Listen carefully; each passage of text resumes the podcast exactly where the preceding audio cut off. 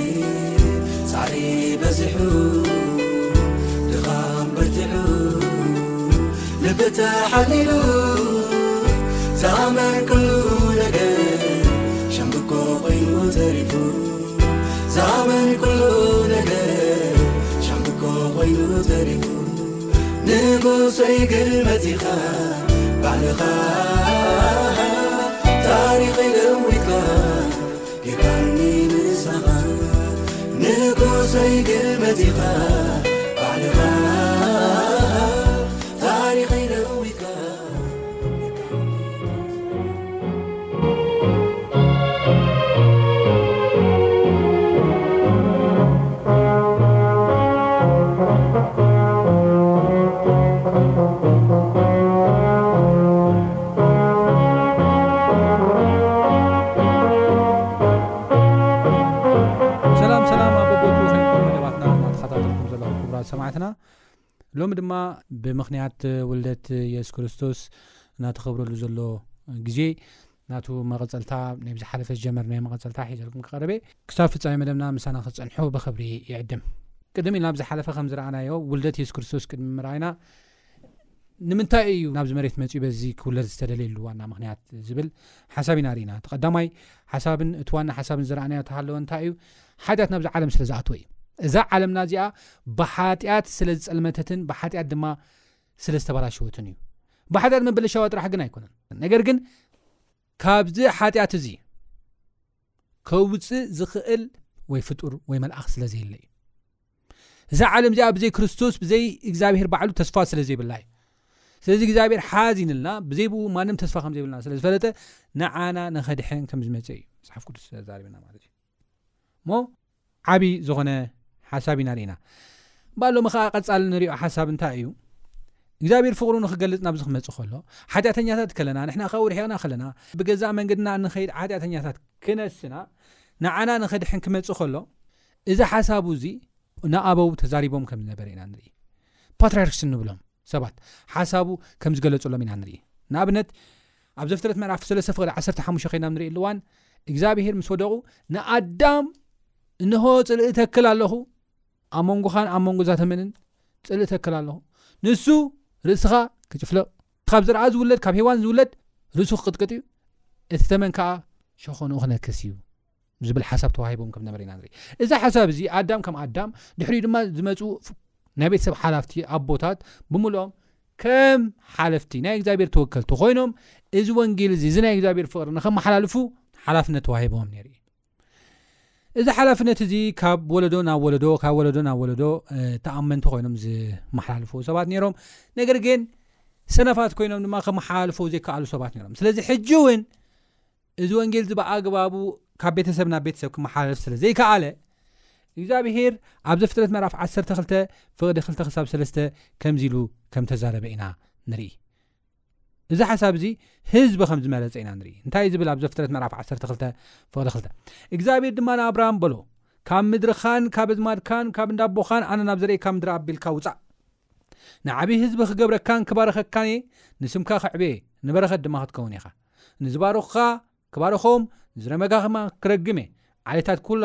ምድሪ ድማ ብኣኻ ክባረኹ እዮም ኢሉ ይዛረብ ካብ ሓደ ክሳብ ስለስተ ከና ንሪኢ ኣለዋን ማለት እዩ ስለዚ ኣብዚ ሓሳብ እዚ እግዚኣብሔር ዝሃቦ ወይ ድማ ዝተለሞ ትልሚ ክንርኢ ከለና ንኣብርሃም ዓብዪ ህዝቢ ክገብረካን ክባርኸካን እየ ኢሉ ዓሌታት ምድሪ ኸኣ ብኣኻ ክባረኹ እዮም ወይ ብወለዶታትካ ክባረኹ እዮም ዝብል ሓድሽ ሓሳብ እግዚኣብሔር ከም ዘምጸ ኢና ንርኢ እዚ ማለት ናይ ኣብርሃም ዘርኢ ብፍላይ ድማ ካብ ሳራ ዝወለዶ ይሳቅ ዘርኢ ንሶም ፍሉያት ህዝቢ ገይሩ መሪጹ እቲ ሓሳቡን እቲ ናቱ ትልሚን ንዓለም ንኸፍልጥ ከም ዝወሰነ ኢና ንርኢ ማለት እዩ በዚ መልክዕ እዚ ዓቢ ህዝቢ ኮይኖም በዚሖም ከምቲ እግዚኣብሔር ዝበሎ ጸኒሑ እውን ኣብ ዘጸኣት ምዕራፍ 25 ፍቕዲ 8 ኣብ ማእኸልኩም ክነብር መቕደስ ስርሑለይ ኢሉ ኣብ መቕደስ ኣብ ማእኸሎም ሓዲሩ ብምሳልያዊ ዝኾነ ኣሰራርሓ እቲ ናይ እግዚኣብሄር ሓሳብ ብምሉ ብቤተ መቅደስ ከም ዝገለፅሎም ኢና ንርኢ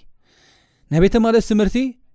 ሓጢኣት ኣጀማምራን ናይ ሓጢኣት ኣጠፋፍኣን ዝኾነሉ መንገዲ ብስእላዊ መንገዲ ዝገልጽ ትምህርቲ እዩ። ስለዚ ዓቢ ዝኾነ ትምህርቲ ብናይ ቤተ መቕደስ ትምህርቲ ገይሩ ከም ዘምህሮም ብፍላይ ኣብዘን ኣርባዕተ ኦሪታት እሰን ኢና ንርኢ። ኣብ ዘጸኣት፣ ዘሌዋውያን፣ ዘውሉቅ፣ ዘዳግም ዜን ብምሉእን ኦሪታት ዘን ኣርባዕተኤን ብዛዕባ ቤተ መቕደስ እዩ ዘርኢ። እዚ ማለት ብዛዕባ ናይ እግዚኣብሔር ፍቕሪ እዩ፣ እግዚኣብሔር ንዝኣተወ ሓጢኣት ከመይ ገይሩ ከም ዘጥፍኦ፣ ካብ ሰብ ዘሎ ሓላፍነት ከ እንታይ ከም ዝኾነ ዘርኢ ብምሉኡ ብደንቢ ገይሩ ከም ዝገለጸሎም ኢና ንርኢ ነገር ግን እዚ ኩሉ ምኽርታት እኳ ተመኽሮም እዚ ኩሉ ምድሓን እኳ ተገለጸሎም ንብዙሓት ንበረኽት ንክኾኑ ንክገብሮም እዚ እኳ ተገበረ ንሶም ግን እዘዝዎ ኣይከኣሉን ከስተውዕልዎ ኣይከኣሉን እቲ ፍቕሪ ኣምላኽ ክርድኦም ኣይከኣለን ቀዲሙ ኢልዎም ነይሩ እዩ እዚ ሕግታተይ እዚ ስርዓታተይ እንተ ትሕልው ኮንኩም ኣብ ዓለም ኣብ ካልኦት ህዝብታት ኣብዘን ዓበይቲ መንግስታት ዝበሃል ኣብ ዓለም ዘለዋ መንግስታት ከመይ ዓይነት ጥበበኛን ከመይ ዓይነት ኣስተውዓልን ህዝቢ ኢኹም ትበሃሉ ምክንያቱ እዚ ቃል እዚ ቃል እግዚኣብሄር ንዓኹም ምስትውዓልኩምን ጥበብኩምን እዩ ኢሉ ተዛሪቦም ነይሩ ብዘዳግም ምዕራፍ 4 ፍቅዲ 6 ከድና ንርኢ ኣለዋ ኣብዚ ዳግም ምዕራፍ 28 ከድና ንርኢ ኣለዋ ነገር ግን እሙናት ኮይኖም ክነብሩ ስለ ዘይከኣሉ ተኣመንትን ስለ ዘይኮኑ እዚ በረኸት እዚ ክረኽብዎ ኣይከኣሉን ኣብ ታሪክ ከድና ክንሪኦ ከለና ካብ ምርኮ ናብ ምርኮ ካብ ምርኮ ናብ ምርኮ ካብ ምርኮ ናብ ምርኮ እናበሉ ብስቓይ ግዜኦም ከም ዘሕለፍዎ ኢና ንርኢ ማለት እዩ እዚ ኩሉ ሓሊፉ ኢየሱስ ክርስቶስ ዝመፀሉ ግዜ እናቐረበ ምስ ከደ ኣብዚ ኩሉ ዘመናት እግዚኣብሔር ነቢያታት እናተሰአ ዓበይቲ ሰባት እናተሰአ ይዛረብ ነይሩ እዩ የሱስ ክርስቶስ ክመፅ እዩ የሱስ ክርስቶስ ክመፅ እዩ የሱስ ክርስቶስ ክመፅ እዩ ውልደቱ ቀሪቡ ኣሎ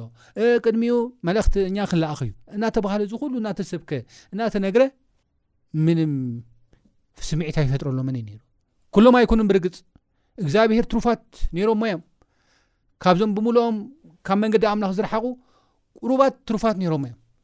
ብእምነት ዝፅበይዎ ብእምነት ንናይ ክርስቶስ ምፅኣት ድማ ብባህጊ ሃንቀው ኢሎም ፅበይዎ ነይሮም እዮም ድሕር ክርስቶስ ክመፅእ ከሎ ክውለድ ከሎ ከይናም ንርኢ ኣለዋን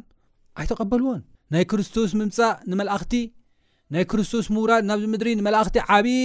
ሓጎስ ዓብዪ ደስታ ዓብዪ ፈስቲቫል እዩ ነይሩ ምክንያቱ ንሱ ድማ ኣማኑኤል ክበሃል እዩ ኣምላኽ ምሳና ዝብል ማለት እዩ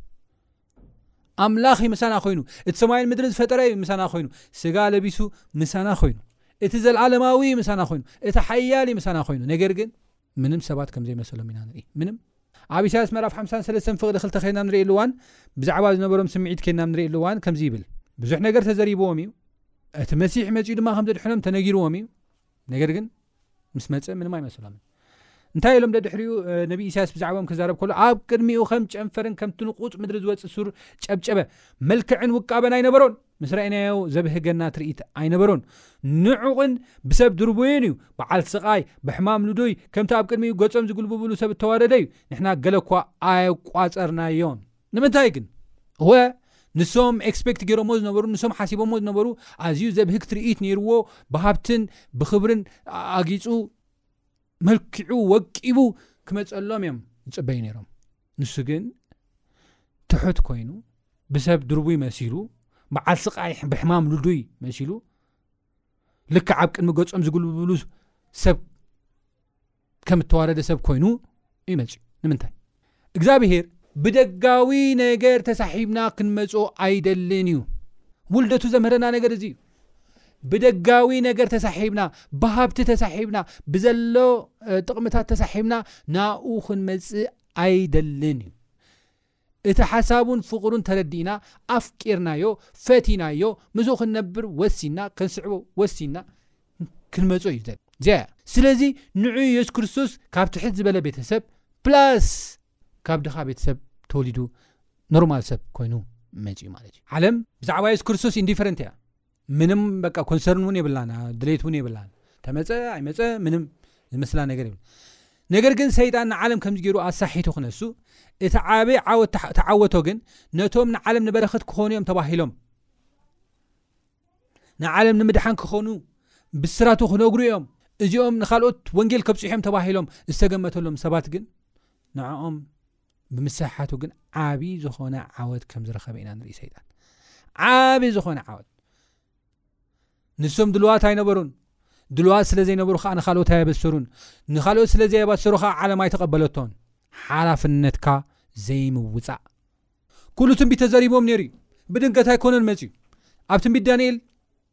ምዕራፍ ትሽዓተ ሸሞንተ ከይዳም ንሪኢ ኣለዋን ብዛዕባ ናይ ክርስቶስ ምፃት መዓስ ኣበይ ከም ዝውለድ ኩሉ ተዘሪቦም ነይሩ እዩ ግን ምንም ኣይመሰሎምን ኣብ ስርሖም፣ ብምድራዊ ሃብቲ ኣብ ምኽዕባት፣ ኣብኡ ናይ ምዕባይ ኣተሓሳስብኦም ብምሉኦ ብውእይቶ ተመሊኡ ነይሩ። ናቲንግ ኬርስ ክርስቶስ መፀ ኣይመፀ ዝግድሶ ሰብ ኣይነበረን። ነገር ግን ክርስቶስ ናይ ህይወቶም ቁልፊ እዩ ነይሩ፣ ናይ ምንባሮም ቁልፊ እዩ ነይሩ። ንክትዓቢ ናይ ምድራዊ ሓሳብ ንክትሓስብ እኳ ንባዕሉ ዓንዲ ሕቆ እኮ የድልየካ እዩ ህይወት የድልየካ እኮ እዩ ህይወት ተደይብልካ ምድራዊ ክትሓስብ ኣይትኽእልን ኢኻ ተሃሊኻ ኢኻ ስለ ምድራዊ እውን ክትሓስብ ትኽእል ተሃሊኻ ኢኻ ኣብ ምድራዊ ን ክትሰርሕን ክትዓይን ክትጎይን ትኽእል እዚ ፈለጥዎን ናይ ህወቶም ቁልፊ እዩ ነይሩ ናይ ህወቶም ዋና እዩ ነይሩ ተስፍኦም እዩ ነይሩ ረዳኦም እዩ ነይሩ ኣብ መንገዶም ዓወት ዘምፀሎም እዩ ነይሩ እዚ ግን ኣይተገንዘብዎን ኣይተገንዘብዎን ስለ ዘይተገንዘብዎ ከዓ ናይ ክርስቶስ ምምፃት ንዖም ምንም ኣይመሰሎምን ካብ ዝገርም ምናልባት ኣብ ዝቕፅል ሓሳብ ክንሪኦ ንኽእል ኢና ክርስቶስ ክመጽእ ከሎ እኳ እቲ ናይ ሰማይ መልኣኽቲ ዓጂቦም ዝለኣኽዎ ሰማያት ክውለድ ከሎ እልል ዝበልሉ ዝተሓጎስሉ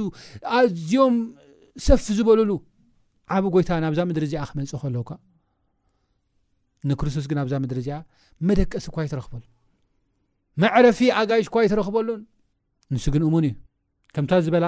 ኣብ ገላትያ ምዕራፍ 4 ፍቅዲ 4 ከይና ንሪኢ ኣለዋን ምልኣት ዘመን ምስ መፀ ግና ኣብ ትሕቲ ሕጊ ዘለዉ ተሻይጡ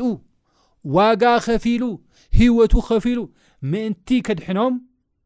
ወይ ድማ ምእንቲ ከውፅኦም ንሕና ውሉድ ምእንቲ ክንረክብሲ ኣምላኽ ነዚ ካብ ሰብት ተወልደ ትሕቲ ሕጊ ዝኾነ ወዱ ላኣኸ ይብለና ከምዚ ዓይነት ዓመፅን ከምዚ ዓይነት ግዴለሽነትን ከምዚ ዓይነት ሸለልትነትን ኣብ ህይወትና እናረኣየ እኳ ኣይተጣዕሰን ኣይተቐበሉንን እዚኦም ኢሉ ኣይተጣዕሰን ኣይገደፎን እግዚኣብሔር ይመስገን ከማን ኣይኮነን ኣምላኽ እዩ ፈቃር እዩ ሓደ ሓደ ሰባት ኣምላኽ ከም ሰብ ገይሮም ዝርእዎ ኣለዉ ኣምላኽን ከም ሰብ ኣይኮነን ዕጉስ እዩ እዚ ሓሳብ እዚ ቅድም ኢለ ዘንበብኮ ዘርእየና እንታይ እዩ ዘርእየና እንተላኢልና ኣብ ኣምላኽ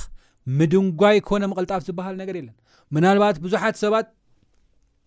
ደንጉዩ ክብሉ ይኽእሉ እዮም መፅሓፍ ቅዱስ ዘየንብቡ ኣርባዕተ ሽሕ ዓመታት እኳ ሓሊፉ ክርስቶስ ክመፅኡ ካብ ዝበሃል ንኣዳም ካብ ዝዘረቡ እኳ ኣርባዕተ ሽሕ ዓመታት ሓሊፉ ኢሎም ክዕሉ ይኽእሉ እዮም ነገር ግን ከምኡ ዝበሃል ምድንጓይ ዝበሃል መቕልጣፍ ዝበሃል የለን ኣምላኽ ምልኣት ዘመን ምስ በፅሐ እታ ዘመን ምስ መፀት ታይ ግዜ ምስ በፅሐት ከም ዝበፅሐና ንርኢ ሎሚ እውን እዚ ናይ ውልደቱ ንዓና ዘምረና ነገር እዚ እዩ ኣብ ኣምላኽ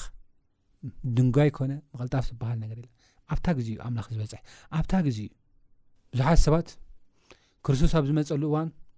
ብብዙሕ ፅንፅዋያትን ብዙሕ ዘይጠቅም ንህይወትካ ዘይጠቅም ፅንፅዋያትን ሕንቅል ሕንቅሌታትን ዝስቕልካ ወረን ተፀሚዶም ከም ዝነበሩ ኢና ንርኢ ንህይወቶም ዘይጠቅም ነገር ግን ናይ ክርስቶስ ውልደት ንብዙሓት ኣብ ዝቐጽል ክንሪኦ ኢና ብሰፊሕ ምንቕቓሕ ከም ዝፈጠረ ኢና ንርኢ ምንቕቓሕ ብርትዐ ከም ዝፈጠረ ኢና ንርኢ ኣህዛብ እኳ ከይተረፉ ምንቕቓሕ ከም ተፈጥረ ኢና ንርኢ ወ ብዙሓት ነቲ ናቶም ኣተሓሳስባን ነ ብፍላይ ክርስቶስ ዝተወልደሉ ግዜ ኣብዚ ናይ ፓጋን ሮም ዝበሃል ግዜ ዩ ነይሩ ሮማን ኤምፓየር ኣብ ዝነገሰሉ ግዜ ዩ ነይሩና እዚ ናይ ሮማን ኢምፓየር ድማ ኣተሓሳስባ ከይና ንሪእሉ እዋን ብግሪክ ሲቪላይዜሽን ወይ ድማ ብናይ ግሪክ ምዕባለ ተወረ እዩ ነይሩ ሕጂ ናይ ግሪክ ኣተሓሳስባ ከዓ ነቲ ኣተሓሳስባኻስ ከም ኣምላኽ ጌርካ ምምላኽ እዩ ነይሩ ሓሳብ ወይ ኣይድያስ ምምላኽ እዩ ነይሩ ምስ ተሓሳስባ ናይ ግሪክ ኣይድያ ይምለኽ እዩ ነይሩ ኦልሞስት እዚ ሓሳብ እዚ ግን ካብ ዝሕዝን ነገር ካብ ፍልጠት ኣምላኽ ዝረሓቐ ጽንጽዋያት ስቒልካ ዓይነት ሓሳብ ምንባር እዩ። ዘይጠቅም፣ መፍትሒ ከምጽእ ዘይክእል፣ ዘላቂ ዝኾነ ነገር ከምጽእ ዘይክእል ምንባር እዩ። ካብ ዝተላዕለ እዩ ሰብ ደኺሙ ነይሩ። ናይ ክርስቶስ ምጽኣት ግን ብዛዕባ ፍልጠት ኣምላኽ ምሰራይ ዓብ ምንቕቃሕ ከም ዝፈጠረ ኣዝዩ ዝገርም ሓሳብ እዩ ኣብዚ ግዜ እዚ ኣብ ዝነበርዎ ዘመን ሓጢኣት ሳይንስ እዩ ኮይኑ ሓደ ሳይንስ ሓደ ኮርስ እዩ ነይሩ ከመይ ርካ ይጠፍእ ከመይ ርካ ምንዝር ትሰርሕ ከመይ ርካ እዚታት ሳይንስ እዩ ኮይኑ ነይሩ ሰይጣን ነዚ ዓለም እዚኣ ካብ ኣምላኽ ኣርሒቑ ኣብ ኣዝዩ ናይ ሓጢኣት ባርነት ክሳብ ክንደይ ሸይሞ ከም ዝነበረ ናይ መወዳእታ ደረጃ ዝበሃል ናብ ብፅሑ ከም ዝነበረ እዩ ዝነገረና ማለት እዩ ካብዚ ነገር እዚ ኣውፅኡ ግን ሓድሽ ፍጥረት ክገብር ዝኽእል ካብዚ ነገር እዚ ውፅኡ ግን ንኣምላኽ ክንሰግደሉ ብፍቕሪ ንኣምላኽ ክንሰግደሉ